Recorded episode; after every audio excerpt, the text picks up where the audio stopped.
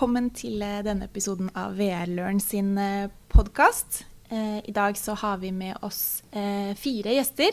Lars Busterud, som er historiedidaktiker på NTNU. Hedda Solberg og Emma Eivik, som er historielektorer. Studenter. Og Frode Linjære, som jobber på Rustkammeret museet. Velkommen til dere. Har dere lyst til å bare ta en uh, liten runde og si litt mer hvem dere er? Hva dere jobber med? Ja. Eh, Frode Linjere jobber altså ved Forsvarsmuseet Rustkammeret. Er da historiker og formidler. Guider litt rundt omkring, både i museet og utendørs. Ja, hei. Eh, Emma Eivik. Jeg er da eh, lektorstudent i historie på fjerdeåret. Og har vært en av de som har testa ut dette med VR i undervisning på universitetet. Så håper at vi kan bidra med litt studentperspektivet på akkurat dette. Jeg heter Hedda Solberg og er også fjerdeårsstudent på lektorprogrammet i historie. Og var også med på det arbeidskravet som brukte den VR-omvisninga. Eh, jeg heter Lars Busterud, er universitetslektor i historiedidaktikk ved Institutt for lærerutdanning. Uh, har jobba her siden 2014. Og har jobba 13 år som lærer i både grunnskole og videregående. Og det er jeg som lagde det arbeidskravet her. Ja, ja. ikke sant. Og mitt navn er Ane Skottun. Jeg er eh, studentansatt ved prosjektet sammen med Sebastian. Ja, jeg heter Sebastian Kronbekk, også studentansatt ved prosjektet. Mm. Og både jeg og Sebastian er for øvrig også lektorstudenter på andre fag. Så jeg tenkte egentlig bare å begynne med at dere kan fortelle litt hva Kanskje du vil begynne, Lars, med å fortelle litt om arbeidskravet og hvordan det eh, ser ut, for de som ikke aner noen ting om det. Hva er det, og hvorfor eh, ble det som det ble? Eh, hovedmotivasjonen for å lage det arbeidskravet her, eller endre på det, var å få mer studentaktiv læring. Det var å ta i bruk alternative læringsarenaer. Så var det òg det å gjøre noe i stedet for å bare skrive en oppgave eller et refleksjonsnotat. Eh, så det er på en måte en myndiggjøring til det å bli lærer. Det er å jobbe på en måte som lærere gjør. Mm. Ja. Kan du beskrive litt liksom, hvordan det ser ut i, i, praksis? Ja, altså Det kom jo meg for øre at uh, Frode og de på Rustkammeret hadde 3D-skanna hele utstillinga under uh, koronapandemien. Så tenkte jeg at det må kunne brukes til noe. Mm. Og så lagde jeg et, eh, et arbeidskrav der eh, vi jobber med det her med mm, alternative narrativ rundt fortellinga om andre verdenskrig. Eh, der har jo Rustkammeret en relativt tydelig vinkling. Det kan vel du si litt om etterpå, Frode. Men den forteller et basisnarrativ om, om andre verdenskrig.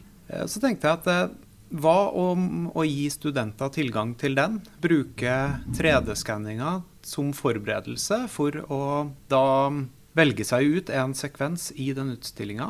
Eh, drøfte hvordan man kan bruke den sekvensen da, eller delen av utstillinga eh, sammen med elever for å utfordre eh, det her basisnarrativet om andre verdenskrig.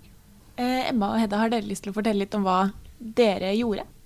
Ja, eh, vi hadde jo da fått informasjon på forhånd, som Lars nevnte nå, og oppgavene. Og vi ble delt inn i grupper med folk vi kanskje ikke jobber så mye med vanligvis, og måtte da ha digitale møter og planlegge og velge ut deler ved utstillinga som vi hadde lyst til å jobbe med. Min gruppe valgte bl.a. litt som handlet om å jobbe for tyskerne, og prøvde å perspektivere dette da fra litt andre sider og se litt mer på hvilke valgmuligheter folk hadde. Og vi snakka mye rundt arbeidskravet og syntes det var en veldig fin måte å jobbe med stoffet på, og veldig gøy å få prøvd seg med å lage undervisning som man også kan bruke med en klasse, da, istedenfor å bare skrive noen ord og levere og jobbe med teori. Det diskuterte vi også litt i ettertid, at vi syntes det var veldig greit å få eh, gjort ting i praksis. Eh, for stort sett så er det jo mye undervisning og teoretisk basert undervisning som vi har på universitetet. Så det å faktisk gå ut fra klass, eller bevege oss ut fra klasserommet og inn på et museum, da. Dette var jo et eh, forberedelsesopplegg til det faktiske museumsbesøket. Mm. Eh, bruk av den 3D-skanninga.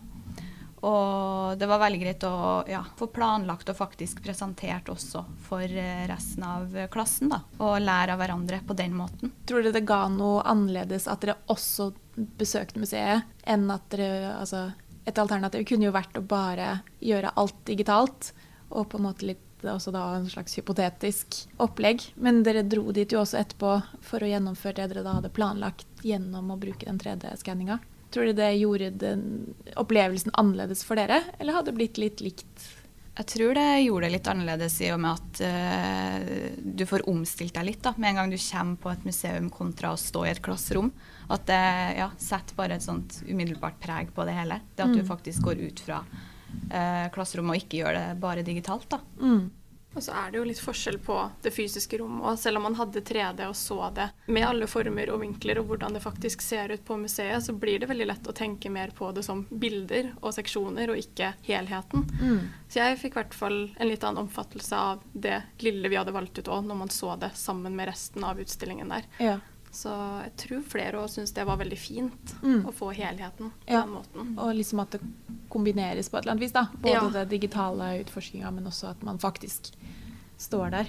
Og da, da, får man jo det som vi på en måte prøver å være litt opptatt av i, i prosjektet, at det skal, være, det skal, være, et supplement da, til det å være ute i, i felt eller være ute i den virkelige verden. Så skal ikke det virtuelle være en erstatning, men eh, et verktøy som jobber godt sammen med det. Ja, I den forbindelse så tenker jeg at det, det er veldig hensiktsmessig da, som kommende lærer å ta i bruk den teknologien her for å Eh, man må jo forberede når man skal ut av et klasserom med elever, eh, og det tar tid. Mm. Og hvis man kan gjøre en del av den jobben digitalt, med det samme resultatet som det å oppsøke det fysisk, som en forberedelsesbit, så tenker jeg det er jo vinn-vinn, mm. tenker jeg. Eh, Frode, har du litt lyst til å si litt hvordan det, det ble til, det her eh, utstillinga, og at den ble 3D-skanna, og hva er historien bak det? Ja, altså vi har jo hatt en ambisjon om å tilgjengeliggjøre museet, så det er jo egentlig en, eh, noe som kan du si, eh, er, er eldre enn selve pandemien. da. Men det har jo eh, med å nå ut til nye grupper. Funksjonshemmede, folk som f.eks. av ulike årsaker ikke har mulighet til å oppsøke museet fysisk. Det kan også danne grunnlaget f.eks. for, for eh, virtuelle omvisninger, som ja, kan faktisk da strekke seg over hele verden. Eh, vi hadde også anskaffa dette utstyret her fordi vi har, en, har, et ønske om å dokumentere eh, andre kulturminner knytta til eh, andre verdenskrig, som f.eks. Eh, ja, bygninger, eh, bunkeranlegg, eh, som det finnes massevis av rundt omkring i, i vår region, og som kan du si, konstant lever i fare for å bli revet, for sånne kulturminner har jo ikke noe spesielt godt juridisk vern. Mm. Hvordan ser du for deg at dere For er det litt oppstartsfase sånn i det store og hele, eller er dere tatt i bruk det, Er det på en måte ute i verden og i bruk ennå? Det, det er jo sånn veldig mm, ja, egentlig litt i oppstartsfasen. Eh, det skannet som vi har gjort av museet, da, for å ta det, det er jo mm, hva skal jeg si, litt provisorisk, fordi det var ikke alle utstillingene som var helt Eh, ferdig. Eh, så det er jo noen blanke felt i, den, i, den, i det skannet vi gjorde. Men det er klart at det er jo en, et kontinuerlig arbeid, for vi, et museum bør i hvert fall fornye seg jevnt og trutt. Mm. Jeg har tatt en kikk på denne skanninga, og det, det, jeg så var veldig imponerende. Og det er ganske eh, sånn ressurskrevende, eller krever ganske mye utstyr og ressurser for å produsere en så Eh, godt, god digital skanning. Ja, altså selve hardwaren og programmet som ligger bak, det koster jo en sånn 40 000-50 000. Mm. Og i tillegg så tar det jo, eh, det tar jo tid å skanne. Eh, brukte jo en arbeidsdag på én person for å gjøre den jobben som allerede er gjort. Og så oppdager vi at eh, kanskje man skulle hatt et skann midt foran monteren, for mm. det gir et bedre overblikk. Eh, masse sånne små tekniske detaljer som man oppdager underveis. Og så går det òg an å tagge eh, gjenstandene. Så du kan, eh, hvis du da holder musepekeren over en gjenstand, så kan du få opp ekstra informasjon. Du kan få opp linker til eh, videoer på YouTube. og Det er masse muligheter, og mange av dem eh, oppdager man underveis. da, For det er, mm. det er så mye at du ja, eh, du rekker ikke å få med deg alt bare ved å lese en manual. Nei, ikke sant. Du snakka litt om det med sånn eh, altså dokumentasjon og kulturminne og sånn, men hvordan ser du for deg bruken av dette her i fremtida, både for dere, men kanskje ser du for deg at det er liksom fremtidens museer? Eh, det, er jo, ja, det er jo et supplement, da. Ja. Eh, ikke en direkte erstatning for den følelsen man får av å være fysisk eh, nært en historisk gjenstand. Den kan jo ikke erstattes av noe digitalt. Men det er klart at det, det er jo et veldig viktig supplement i mange tilfeller der det fysiske miljøet av en eller annen grunn ikke er tilgjengelig, enten fordi det kanskje faktisk ikke eksisterer lenger, eller f.eks. og vi driver nå og skanner en del kulturminner som ligger eh, kan du si, veldig avsidesliggende til. Da. Det kan ligge kan, kan du si, ja, lang eh, Man må faktisk gå til fots ganske lang tid for å, bare for å komme dit. Så Det er en del sånne ting man da kan tilgjengeliggjøre da, for vanlige folk. Mm. Og dere som å har brukt, eh, brukt denne skanninga helt sånn aktivt, dere sa at dere syntes det var spennende for det ja, dere fikk produsert eller gjort noe litt annerledes da, enn en sånn tradisjonell skriveoppgave. Men har dere noe inntrykk av hvordan de andre studentene opplevde det, eller om det var noen som syntes det var utfordrende, eller noe som ikke, ja, noe som ikke var som de, skulle ønske? Jeg tror eh, ganske mange var positive i utgangspunktet. Jeg tror mange også valgte å gjøre det arbeidskravet pga. Eh, hvordan det var lagt opp. Mm. For vi var ganske mange studenter som eh, valgte historie som da eh, fag B. Mm. Nettopp pga. Eh, det arbeidskravet.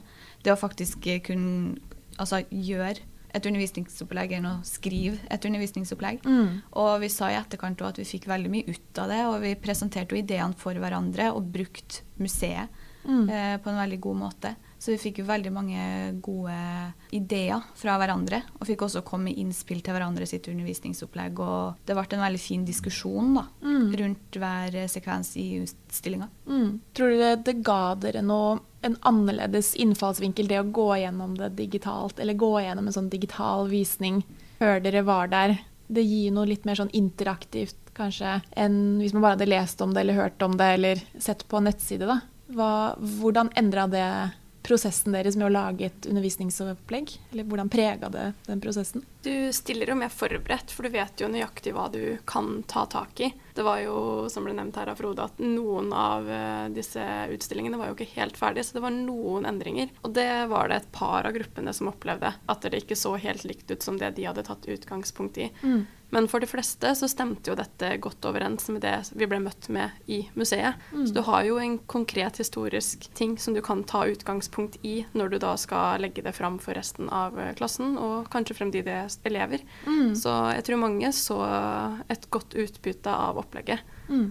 Så var det også veldig enkelt å bruke denne 3D-visningen. Det var lett å finne fram, lett å bevege seg mellom etasjer og finne fram til de ulike monterne. Både jeg og Hedda har jo vært på museet et par ganger før, men eh, flere av de jeg jobba med, hadde jo aldri vært på Rustkammeret før. Og de opplevde det som kjempelett å finne fram, og de kjente seg jo da også igjen dagen etter. Mm. Så jeg tror det er veldig, veldig fint å bruke det som ressurs. Lars, ser du for deg å bruke dette videre, eller lignende opplegg videre i eh, undervisning? Ja, jeg ser for meg at det her er et arbeidskrav som eh, skal fortsette å, å leve mm, med det utgangspunktet her. Og så må det jo selvfølgelig alltid gjøres små endringer, men eh, jeg håper jo at Frode gir meg tilgang neste år òg. Fordi tilbakemeldingene som jeg har fått, har utelukkende vært positive av studentene. Og der tenker jeg da, da er vi mm, på et sted der eh, man ser på en måte en nytte av det her videre i, i karrieren. Da. Og da, da ser jeg ingen grunn til å endre på det, nei. Nei. nei. Men hvordan var det, ble det som du så for deg, hele eh, opplegget og arbeidskravet? Reagerte studentene eller, som du hadde forventa, eller var det noe som overraska deg? Eh, Det var litt overveldende hvor mange som valgte det arbeidskravet her. Ja. Og jeg har skjønt at det det var mange som valgte fag, eh, fag A og B da, ut fra det arbeidskravet her. Og det var overveldende. Det kom vel Mm. eh, omtrent dobbelt så mange studenter som meldte seg som jeg hadde regna med. Ja. Eh, og det ble en ganske intens dag når vi var på Rustkammeret. Og eh, gruppene skulle presentere, de skulle gi respons til en medgruppe. Det her var, eh, det var mye læring. Eh, men det var intenst, ja. På en veldig positiv måte. ja, ikke sant? Emma og Hedda, dere står jo på en måte nå i å delta i undervisning som studenter, men eh, dere er jo også lektorstudenter og skal undervise. ser dere for deres undervisningspraksis for dere noen måter dere kan bruke liksom, ja, VR eller bare mer eh, teknologi enn det som kanskje er vanlig nå, i deres egen praksis, eller er det litt fjernt for dere? Jeg føler det blir mer og mer relevant. Mm. Eh, og jeg tror hovedutfordringen der blir å vite hvor man da får tilgang til slike ressurser, og det å faktisk komme i gang. Mm. Og de fleste som utdanner seg til å bli lærere og lektorer, sliter jo med det tekniske. Det skal man jo ikke legge skjul på. Så jeg tror mange ser på det som en stor utfordring å skal gjøre det. Men eh, når man først blir kasta ut i det gjennom studiet, så ser man jo hvor lett det kan gjennomføres, og hvor enkelte da kan ja, appellere til oss, og da også elever. Mm. Så jeg tror absolutt det er noe jeg har lyst til å bruke. Både dette og spill og andre ting der elevene kan være mer aktive da, og kreative og utforske selv. Mm. Det er jo også veldig viktig i læreplanen nå. Så jeg tror det er noe mange kan få veldig gode resultater av. Ja.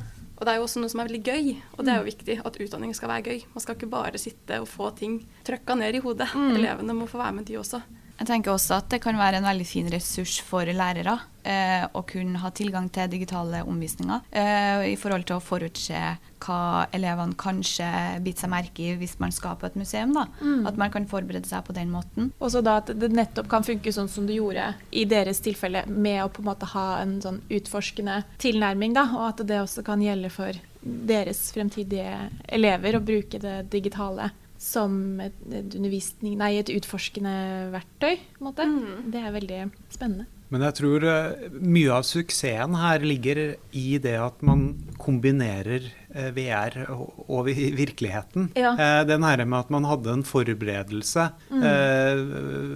gjennom VR-teknologien, og det å møte der. For da ser man man får det beste fra begge, begge de to verdenene. Mm. Det tror jeg er en suksessfaktor her. Så er det jo litt spennende kanskje det du sier med sånn, hvordan blir det tilgjengelig da for lærere? Og, og dere som har gjort det som museum, nå, men det å eh, gjøre det tilgjengelig for andre museer, sånn, hvordan det skal gjennomføres, det er jo kanskje en av de største utfordringene. da, Å, å spre det. Frode, har dere noen ideer om hvordan dere kan spre disse metodene da, som dere har gjort? Ja, altså Det er jo å linke til de her um, visningene på sosiale medier, på um, hjemmesider. Mm. Eh, det er jo ikke noe mer hokus pokus enn det. og så mm. Det neste steget kan jo f.eks. være å gjennomføre en uh, historisk byvandring ved hjelp av noe så enkelt som Google Street View. Det er jo fullt mulig. Så det er masse verktøy som er kan du si, tilgjengelig, men uh, så er det jo det er jo det med å finne fram, da. Og det å gjøre seg Bare det å dukke opp og søke på nett kan jo være en utfordring, da. for det spørs jo hva slags ressurser man legger i det. Eh, jeg lurer på om vi runder av der. Har dere noen eh, siste innspill eller eh, råd eller tanker? Det ser ikke helt sånn ut. Nei? Nei. Men da sier vi tusen hjertelig takk for at dere ville være med på denne episoden. Takk for at du lyttet til denne episoden av VR-Løren sin podkast. Kontakt oss gjerne, meg, Ane Skottun, Sebastian Kronbekk eller Jakob Svin dersom du har spørsmål eller kommentarer, og sjekk gjerne ut de andre episodene våre.